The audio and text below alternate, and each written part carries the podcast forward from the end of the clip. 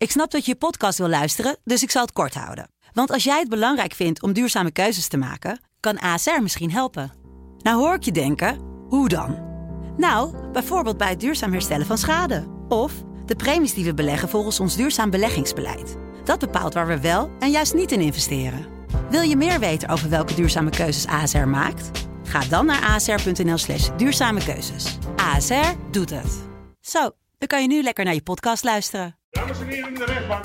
De zaak ontleed met Saskia Belleman en Wilson Boldewijn.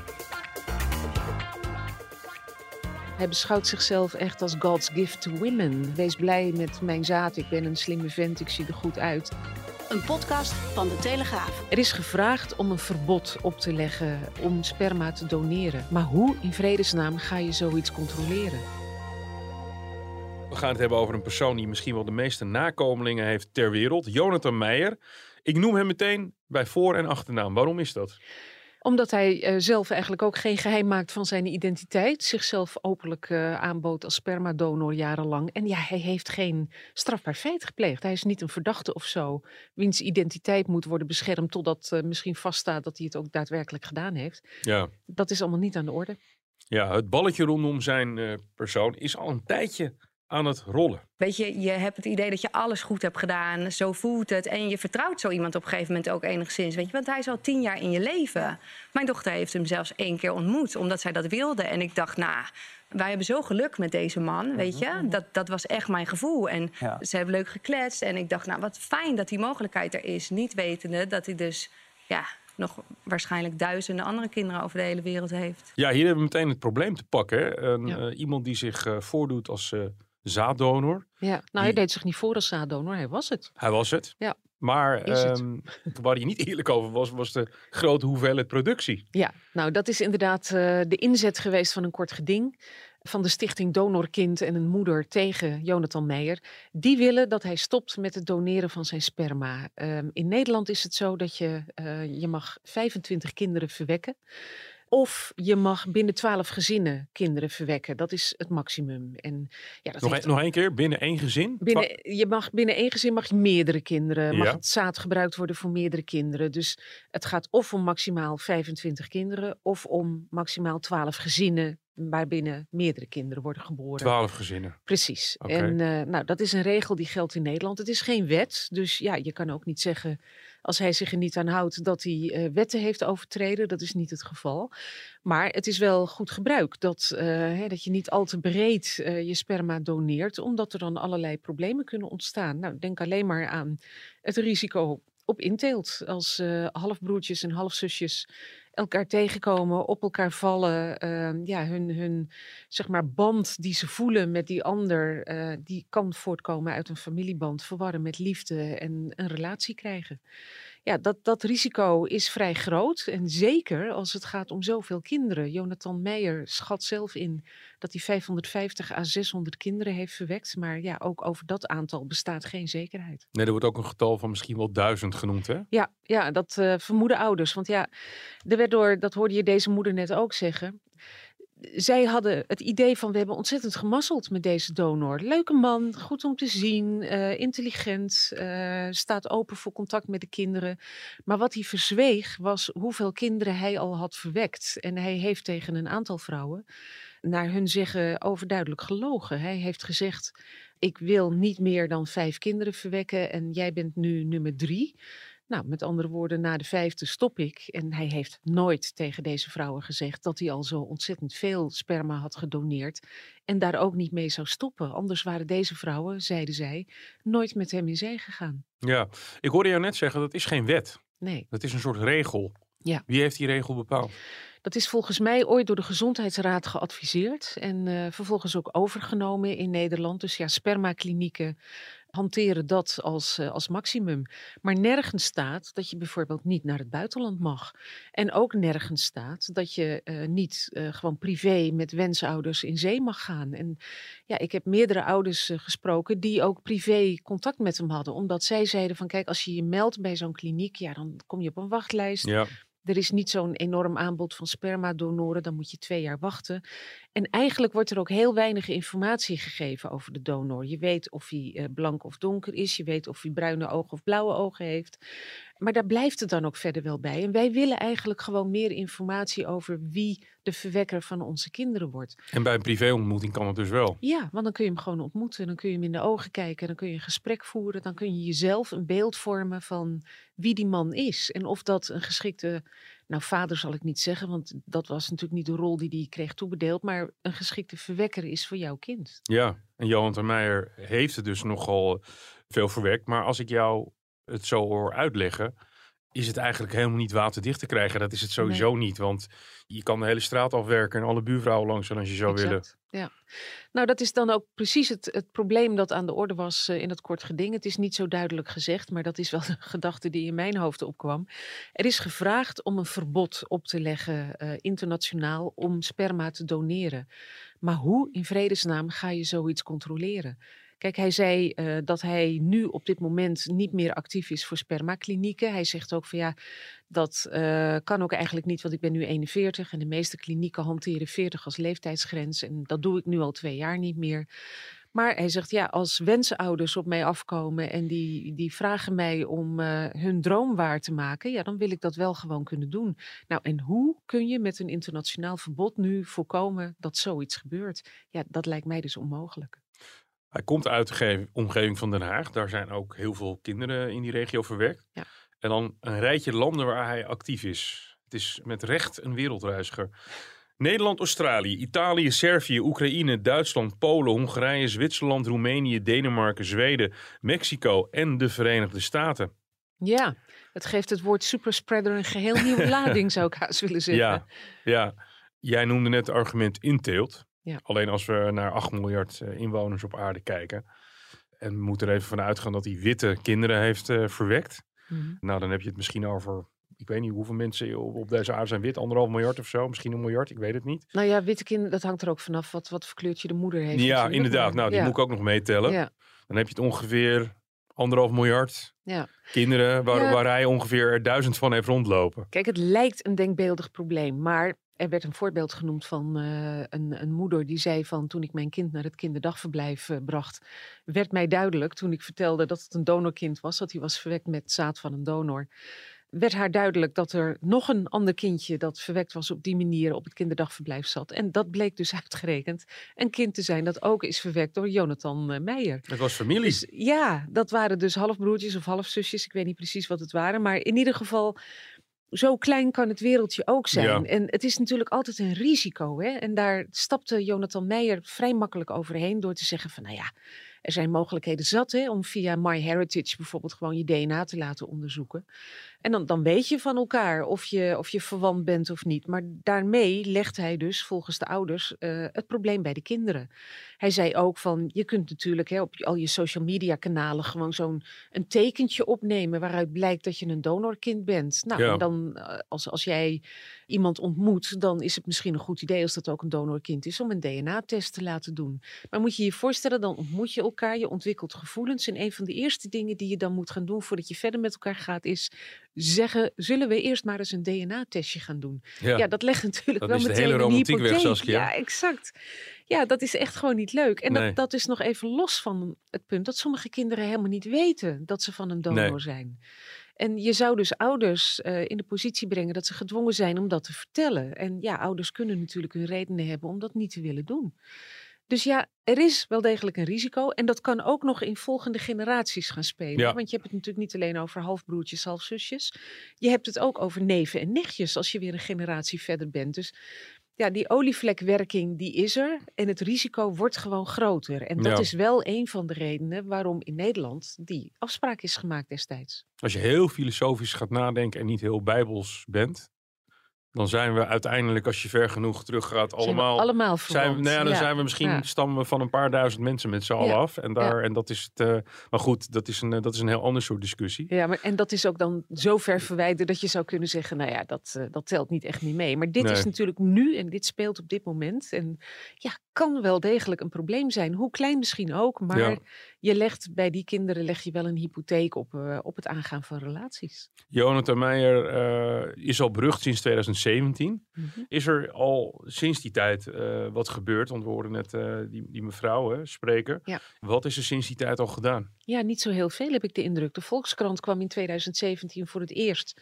met uh, de onthulling over deze man. Die op dat moment geloof ik iets van 250 kinderen zou hebben verwekt.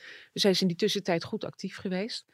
Hij is toen niet aangepakt. Hij is ook niet voor de rechter gesleept. Er is wel een soort bewustzijn ontstaan bij heel veel moeders. Die opeens die naam zagen en dachten, oh wacht eens even.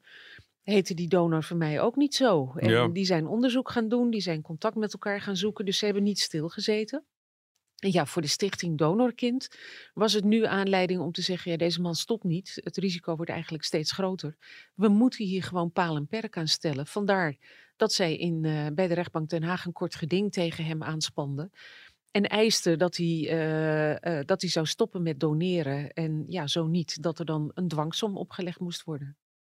We kennen allemaal nog die zaak van die vruchtbaarheidsarts, mm -hmm. meneer Jan Karbaat. Ja, dat is een kleintje. Ja, die leeft, onder, die leeft niet meer, hè? Nee, nee die is overleden. Ja. Die verving bij de spermabank het sperma van, voor de donorouders verving hij voor het sperma van hemzelf. Ja.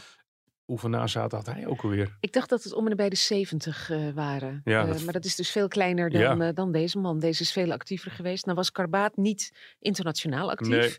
Maar als je nagaat dat Jonathan Meijer onder andere doneerde bij CRIO. Dat is een Deense spermabank. En die, uh, die werkt internationaal. Dus die, die stuurt rietjes met zaad naar allerlei landen, ook naar Nederland. Ja. Dus ja, niet alleen rechtstreeks via een spermakliniek hier of via doneren aan wenshouders, maar ook via zo'n commerciële uh, spermabank komt zijn zaad gewoon uh, in Nederland, maar ook in andere landen terecht. Nou, dan zijn we een beetje op de vraag aanbeland van waarom zou je dit in vredesnaam doen? Ja, wat hij zei was, ik ben zelf opgegroeid in een groot gezin. En dat, dat was een groot geluk voor mij. En ik wil dat iedereen dat grote geluk kan ervaren. Ja, dan stapt hij natuurlijk wel heen over het feit dat uh, die donorkinderen niet opgroeien in een groot gezinsverband. Nee, hè? Want dat vroegen de rechter... En hij kan er ook onmogelijk contact mee houden, dus hij kan exact. het ook niet zien. Nou ja, dat vroeg de rechter op een gegeven moment. Van hoe moeten nou al die 550 of 600 halfbroertjes en halfzusjes zich tot elkaar verhouden? Hoe ziet u dat? Nou, daar kwam niet echt een heel duidelijk antwoord op van zijn kant. Wat hij wel zei was dat hij met een heleboel donorkinderen een hele goede relatie heeft. Hij zegt, die vinden het geweldig dat ze zoveel broertjes en zusjes hebben. Er zijn er die gaan met elkaar op vakantie, uh, die zien elkaar regelmatig. Hij, uh, hij zegt dat, dat hij... Ja, dat kunnen we niet nagaan. Nee. Dat, dat komt vooral van zijn kant. Uh, we weten niet of dat klopt. Maar hij zegt dat hij op verjaardagen is geweest, op diploma-uitreikingen. Hij is bij het afzwemmen van kinderen geweest. Hij krijgt op vaderdag knutselwerkjes toegestuurd. Met andere woorden, ik, ik ben eigenlijk uh, die ideale vader. Die, hè, en, en die kinderen vinden het allemaal even geweldig. Ja, achter mij in de zaal zaten denk ik toch gauw 20, 30 uh, moeders die hem nou niet bepaald zien als, uh, als de ideale vader. En die ook helemaal niet willen dat hij contact met, met de kinderen onderhoudt op die manier. Ja. Maar die wel willen dat hij gewoon stopt met het verwekken van nog meer nakomelingen. Want wat zij het, uh, voor de goede orde, je hebt het al een paar keer gezegd, zij nemen hem het meest kwalijk dat, dat er een risico bestaat, omdat ja. er een relatie gaat ontstaan tussen twee mensen die gewoon familie van elkaar zijn. En ook dat hij gelogen heeft. Dat hij ja. tegenover deze vrouwen heeft gezegd van... ik verwek maximaal vijf kinderen en jij bent de derde. Dat schijnt hij tegen meerdere vrouwen toch te hebben gezegd. En deze vrouwen zeggen... als wij hadden geweten dat hij uh, veel meer kinderen verwekte... dan hadden we de keus gehad om daarmee wel of niet met hem in zee te gaan. En nu is ons die keus ontnomen. Ja, en nou zitten we met de gebakken peren. En ja, zij vrezen ook voor psychosociale problemen bij, uh, bij de kinderen. Uh, ja, als die kinderen straks gaan beseffen van er lopen op deze wereld ongeveer uh, 550 of 600 en misschien nog wel meer halfbroertjes en halfzusjes van mij rond dat moet je wel even kunnen verwerken. En daar zal de een zwaarder aan tillen dan de ander. Maar het is wel iets waar je, waar je even mee moet leren omgaan, denk ik. Een ander argument zou gewoon kunnen zijn dat hij uh, er geld mee wil verdienen. Laten we even luisteren naar wat hij zegt op zijn YouTube-kanaal. Het is weer zover. Ik heb weer eens geluk. Ik ben weer eens beloond. Crypto is zo geweldig omdat je continu overladen wordt met cadeautjes. The number one mistake that 18-year-olds and teenagers make in their life um, comes down to valuing their friends and strangers more than that they value their family. You might think that the world is exploding with people, that there's an overpopulation problem, and yeah, we really have to reduce the world population. Of course, this is just a myth. Ja, het, is een, een beetje een, uh, het komt een beetje over als iemand met zendingsdrang. Ja. Want er zitten ook heel veel vlogs tussen over slapend rijk worden. Ja. Investeren, beleggen in crypto's, passief inkomen. Ja, het is een beetje iemand die een beetje te veel in zichzelf gelooft, lijkt wel.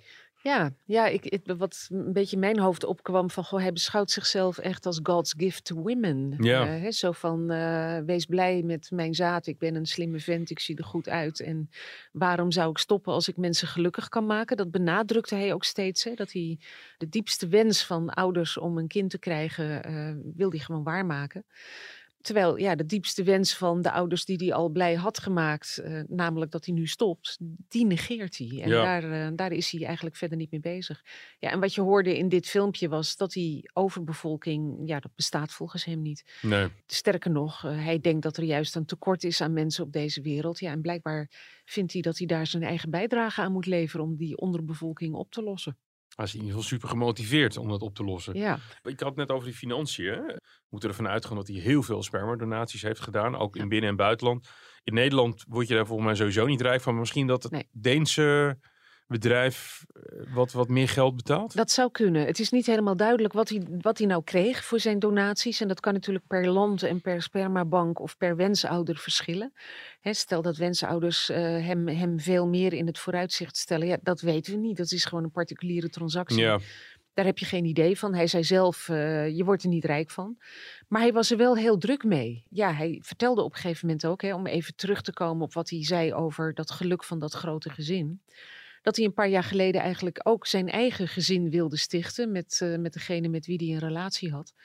Ja, en dat liep even niet zo lekker, want eh, hij had het te druk met doneren en hij was nooit thuis. Ja, moet je je voorstellen, hij reisde dus kennelijk de wereldbol af om overal eh, zijn zaad te doneren. Maar waarmaken van zijn wens om een groot gezin te hebben, daar had hij even geen tijd voor. nee. Ja, misschien moeten we ervan uitgaan dat als je een, nou, zeg, eh, tussen de 500 en de 1000 euro per transactie, ergens tussen de 500 en de 1000 kinderen, ja, we praten dan over tienduizenden Ja, euro's. Maar nee, dan niet, kun je best leuk, eh, je wordt er niet rijk van misschien, Nee. maar je kunt er wel van leven. Ja. Wat voor man zag jij daar? We horen hem net op YouTube. Een Ja. beetje zo'n zo'n positiviteitsgoeroe-achtig Ja. type. Ja, hij Wat was voor indruk eh, heeft je van hem? Ja, keurige man om te zien. Hij had zich voor de gelegenheid in pak gestoken. Ik denk niet dat dat zijn dagelijkse eh, outfit is, maar nu had hij een, een eh, blauw-grijs pak aan. Hij heeft lang blond haar dat zo over zijn schouder valt. Ehm, het is geen, geen lelijke man om te zien, bepaald niet. En hij kan zich wel goed presenteren. Dus ik kan me wel voorstellen dat wensenouders die met hem zelf gesproken hebben, omdat ze niet naar een kliniek wilden, een goede indruk van hem kregen. Hij praat makkelijk, hij ziet er goed uit. ehm, ja, hij heeft ze voorgelogen, maar dat wisten ze op dat moment natuurlijk niet. Ze hebben eigenlijk allemaal gedacht dat ze een lot uit de loterij hadden en kwamen er pas jaren later, toen de Volkskrant daar voor het eerst in 2017 over publiceerde, achter, dat hij ze gewoon had eh, bedonderd. Ik heb nog even de online rekenmachine erbij gepakt. Mhm. Als je zeg duizend keer eh, sperma doneert, maar eh, waarschijnlijk heeft hij dat ook particulier gedaan. En je zou duizend euro per keer krijgen, wat volgens mij in Nederland toch zeker niet zo is. Nee, zeker niet. Maar dan praat je toch wel over duizend keer duizend, over een miljoen. Het Ja, zou als, zomaar als het kunnen zo zijn. Is, hè, dat hij dat heeft gevangen. We weten het Nee, dat weten we niet. Maar het zou nog best wel eens kunnen zijn dat de verdiensten veel groter zijn dan we aanvankelijk denken. Ja, als we op Nederland af moeten gaan met, met een paar honderd euro als onkostenvergoeding. Maar misschien betalen de Denen wel wat meer. Maar ik wil nog wel even zeggen dat. Ik zei heel gedecideerd net tienduizenden. Maar als je gaat rekenen, nou misschien is het wel veel lucratiever. Eh, dit is overigens eh, niet de bedoeling eh, om mensen op een idee te brengen. Maar gewoon om de informatie eventjes eh, Ja. duidelijk over te Nee, brengen. het is, het is mogelijk hoor. Er, kwam, er ontstond tijdens het kort geding geen duidelijkheid over de verdiensten. En wat we in ieder geval natuurlijk niet weten, is wat wensouders die met hem in zee zijn gegaan aan hem hebben betaald. Het kan best zijn dat dat veel hogere bedragen waren om hun wens waar te maken en om de omweg van een paar jaar via een spermakliniek te kunnen omzeilen. Maar echt weten doen we het niet. En hij heeft daar ook niet echt duidelijkheid over gegeven. Maar het is wel duidelijk dat hij niet wilde stoppen. Want ja, de rechter heeft op een gegeven moment toch nog een, eh, een poging ondernomen. En gezegd van, hé, is er nou niet een, een manier om daar via een middelijke schikking uit te komen? Nou, hij verklaarde zich bereid om te overleggen. En dat deed de stichting Donorkind ook. Dus die zijn een half uurtje de gang opgegaan eh, met elkaar. Maar kwamen op een gegeven moment na een half uur toch terug met de mededeling Het is niet gelukt, want Jonathan Meijer wil wel zeggen dat hij uh, niet actief zal zijn via spermaklinieken. Maar hij wilde niet de belofte doen dat hij ook niet meer particulier zou doneren. Dus ja, hij zei gewoon, als wensouders mij rechtstreeks benaderen en die hebben er geen probleem mee dat ik meerdere kinderen heb verwekt, ja, dan ga ik geen nee zeggen. Als ik ze kan helpen, dan doe ik dat. Ja, en dan zitten we met het ingewikkelde probleem dat er niet een wet bestaat die hem dat kan verbieden. Nee, je kunt moeilijk een politieagent bij hem op de stoep zetten en uh, iedere beweging die hij maakt controleren. Dat is onmogelijk. Dus Ja. dat, uh, dat wordt een hele lastige. Maar wat bij dat hij ook nog eens heel veel in het buitenland zit. Dus Ja. dat, uh, ja, dan wordt het al helemaal lastig. Ja, want met, dat in het achterhoofd, dat, dat reizen kost natuurlijk ook geld. Hij Ja. heeft niet echt een baan of zo. We- Weten we er iets over? Of zijn persoonlijke omstandigheden in een kort geding niet heel erg eh Nee, dat, nee, omdat het geen verdachte is. Hè? Dus dan wordt er niet heel uitgebreid stilgestaan bij die persoonlijke omstandigheden. Dat klopt. Ja, nog even wat eh, charmant, knap, best Ja. aardig. Ja. Ehm, volgens mij geen domme man. Nee, zeker geen domme man. Dus nee, ik kan me heel goed voorstellen dat eh wensouders hebben gedacht van ja, dit is een geweldige donor en hier zijn we hartstikke blij mee. En hij, eh, hij heeft ook nooit een strobreed in de weg gelegd als het ging om contact hè, met de kinderen. Tegenwoordig moet dat ook. Hè. Ja. De donor kan niet meer anoniem blijven. Maar ook voor die tijd al, eh, zegt hij zelf ook, heeft hij eh, contact gehad met donorkinderen. En eh, ja, wat ik net ook al zei, eh, verjaardagsfeestjes, diploma-uitreikingen, daar is hij allemaal bij Hij, geweest, eh, zegt hij zelf. eh, zal een heel druk schema erop eh, bij moeten houden. Enorm, ja, Ja. Ik kan me bijna niet voorstellen dat je dat allemaal bij kunt houden. Dat is een hele volle kalender met verjaardagen, ja. Ja, we hebben eh, gehoord wat de ouders ervan vinden, maar daar wordt ook verdedigd in een kort geding. Ja. En dan wordt het bijna een beetje filosofisch, hè? Over het recht op voortplanting Ja. versus het recht op abortus. Er werd op een gegeven moment door de advocaat gezegd van mensen hebben tegenwoordig het recht om, eh, om euthanasie te plegen, ze, of voor euthanasie te kiezen. Ze hebben het recht om, eh, om abortus te plegen. En ja, je hebt ook het recht om je voor te planten. En er is niemand die, die jou dat kan verbieden. En er werd zelfs gezegd van het verbieden van zoiets en een dwangsom opleggen is een aantasting van zijn eh, lichamelijke integriteit. Ja. En het beperkt hem, beperkt zijn vrijheden. Nou weet ik niet echt of dat nou, bedoel, je, je mag verder alles doen in de Ja, wereld. Je mag alleen even geen sperma doneren. Nee, precies. En ik zie eigenlijk niet zo in waarom dat je vrijheden enorm beperkt. Maar zo, zo ervaart je dat wel. Dat werd wel naar voren gebracht. Ja. Ja. De Tweede Kamer die is bezig met een wet waarin je nog meer donorgegevens eh, of, of Mhm. moet kunnen uitwisselen, ook met het oog op privacy. Dat zou wellicht helpen in de toekomst om te zorgen dat mensen niet door kunnen blijven gaan met doneren. Ja, nou weet je, ik, ik denk in ieder geval dat eh, in Nederland nu toch wel algemeen bekend zal zijn dat Jonathan Meijer een, eh, een donor is die ongelooflijk veel kinderen heeft verwekt. Ja, als er dan toch ouders zijn die hem benaderen, hij zegt, dan ga ik ze helpen. Ja, Eh, maar dan weet je in ieder geval waar je aan begint. En dat is natuurlijk ook het hele punt van heel veel ouders. Hij heeft ze voorgelogen. Hij Ja. heeft hen nooit die keus gegeven. En als ze het hadden geweten, dan waren ze niet met hem in zee gegaan. Dat hebben ze echt heel duidelijk gezegd. Ja, en hij ziet dat probleem niet zo. Hij heeft zoiets van, ja, nou ja, dan doe je een DNA-testje. Hoe erg kan het probleem zijn? ja. Dat vind je snel genoeg uit. En daarmee legt hij eigenlijk de verantwoordelijkheid bij de kinderen. Achterliggende probleem is, afgelopen eh, twee weken hadden we op de redactie hadden we ook dat onderwerp van die eh, vrouwen die tegen die BTW ageerden, hogere BTW eh, bij de, als het ging om het ontvangen van, van zaad. Ja. Ja, je kunt het je bijna niet voorstellen, maar er is gewoon een tekort in Nederland. Je hebt, in, Ja. althans, je hebt een wachtlijst van jaren. Ja. In Denemarken, vanwege dat commerciële eh, bureau, is het wat korter. Ja. Maar waarschijnlijk is er gewoon een tekort aan mensen die doneren. En hij springt natuurlijk wel in dat gat. Ja, nou dat is zeker waar. Hij, hij vertelde, of dat vertelde die vrouwen, dat eh, de wachttijd nu gemiddeld twee jaar is. Dan wil je een kind en dan moet je twee jaar wachten. En dan moet je in die tussentijd ook hè, aan allerlei voorwaarden voldoen en zo.